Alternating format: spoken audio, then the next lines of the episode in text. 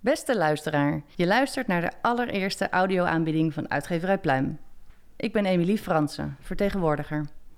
Tegenover mij zit Marieke de Groot, boekverkoper bij Boekhandel Pantheon in Amsterdam. En organisator van Mariekes Boekenlab. Marieke zal de auteurs kort interviewen die de boeken hebben geschreven van deze zomeraanbieding. Zo kunnen jullie voorproeven van de boeken die binnenkort gaan verschijnen en kennis maken met de auteurs. Welkom Marieke, ik geef het woord aan jou. Dankjewel Emily. We beginnen deze audioaanbieding met Dimitri Verhulst. 6 juni verschijnt zijn nieuwe roman De Pruimenpluk. Dimitri, wil je ons vertellen wat de aanleiding was voor het schrijven van dit boek en waar het over gaat? Ik zou meteen kunnen gaan vertellen waar dit boek over gaat. Een plotje uit uh, de doeken doen. Een verhaaltje vertellen.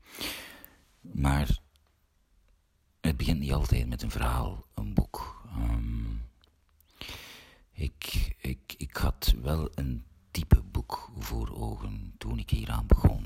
Is eigenlijk het, het, uh, ja, het proces is daar begonnen, zal ik maar zeggen. Van welk, welk soort boek wil ik schrijven? Welk soort boek denk ik dat er moet zijn of mag zijn? Want moeten, ja, daar kunnen we het op een andere keer nog wel eens over hebben, over dat werkwoord.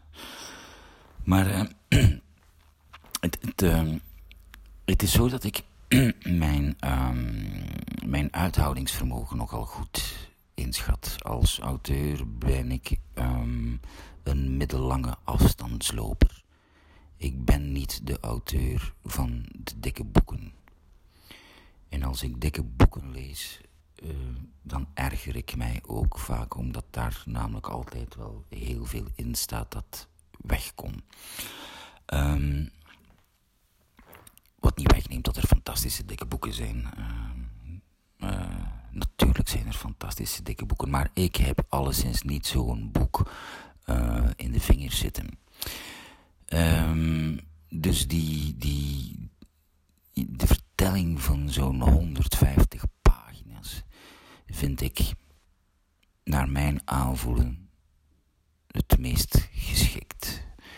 Um, de afstandjes die een Julian Barnes eh, vaak loopt. Uh, de afstand uh, waarmee uh, ja, de, de, de, lengte van een Chesil Beach bijvoorbeeld, of een, een Camus met l'étranger.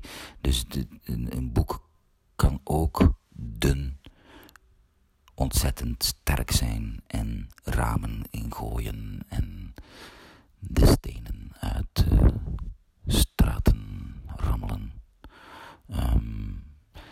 en dat is een soort boek dat ik heel graag uh, wil schrijven.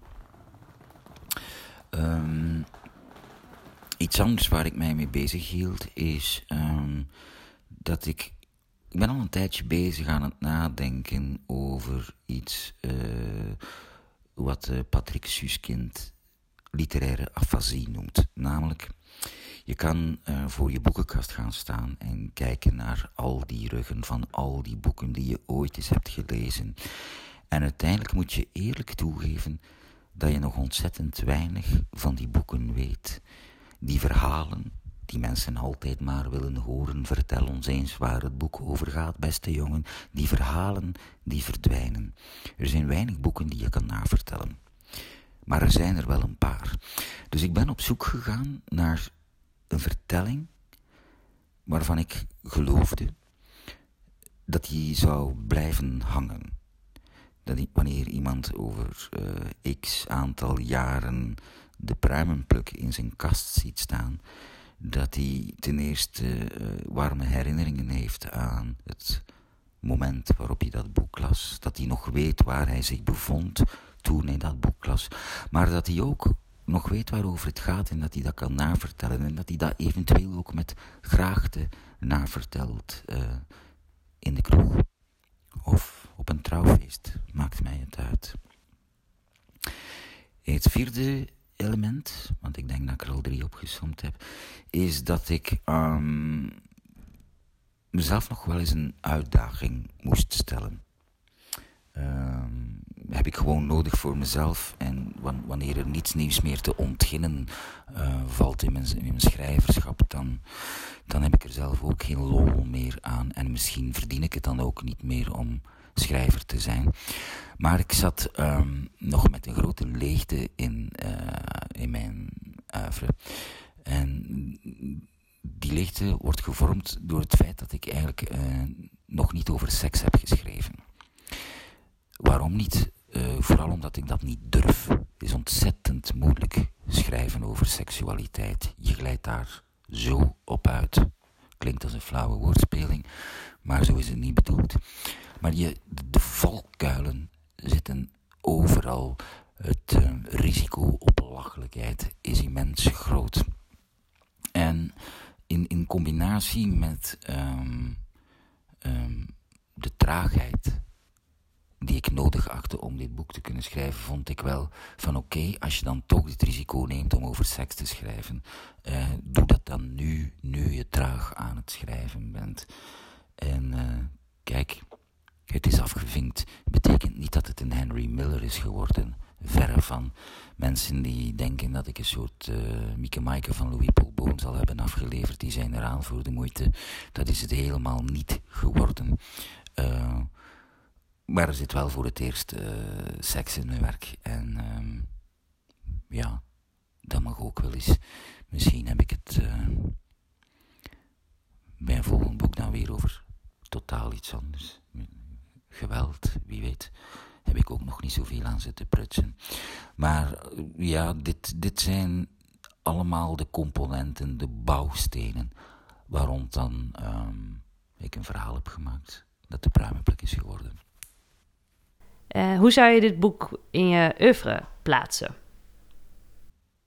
Het boek waarmee de pruimenpluk vermoedelijk het dichtst tegenaan leunt, is meer dan waarschijnlijk mevrouw Verona daalt de heuvel af.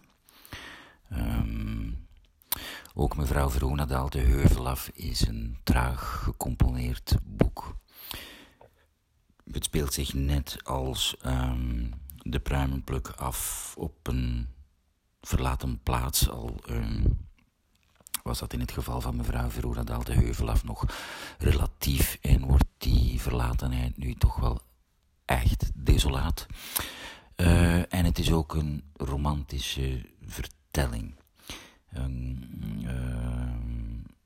alleen bij, ja, bij mevrouw Verona ligt de liefde achter haar.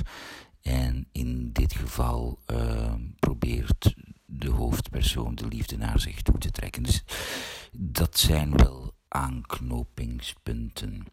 Uh, maar ja, uh, helemaal uh, samenvallen doen die boeken gelukkig ook niet, want anders had ik dit niet hoeven te schrijven.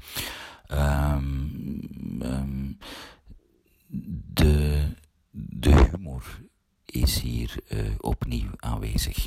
Um, niet dat je soms lang moet zoeken naar humor in mijn werk.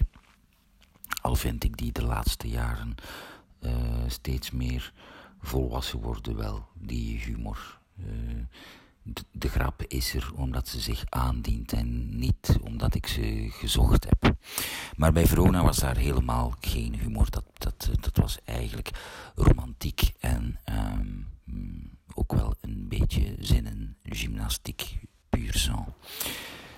Um, en voorts denk ik eigenlijk dat ik um, moet zeggen dat dit boek um, tamelijk origineel is in, in, in mijn werk. Het, het, het, laat zich zeker niet vergelijken met uh, de helaasheid der dingen.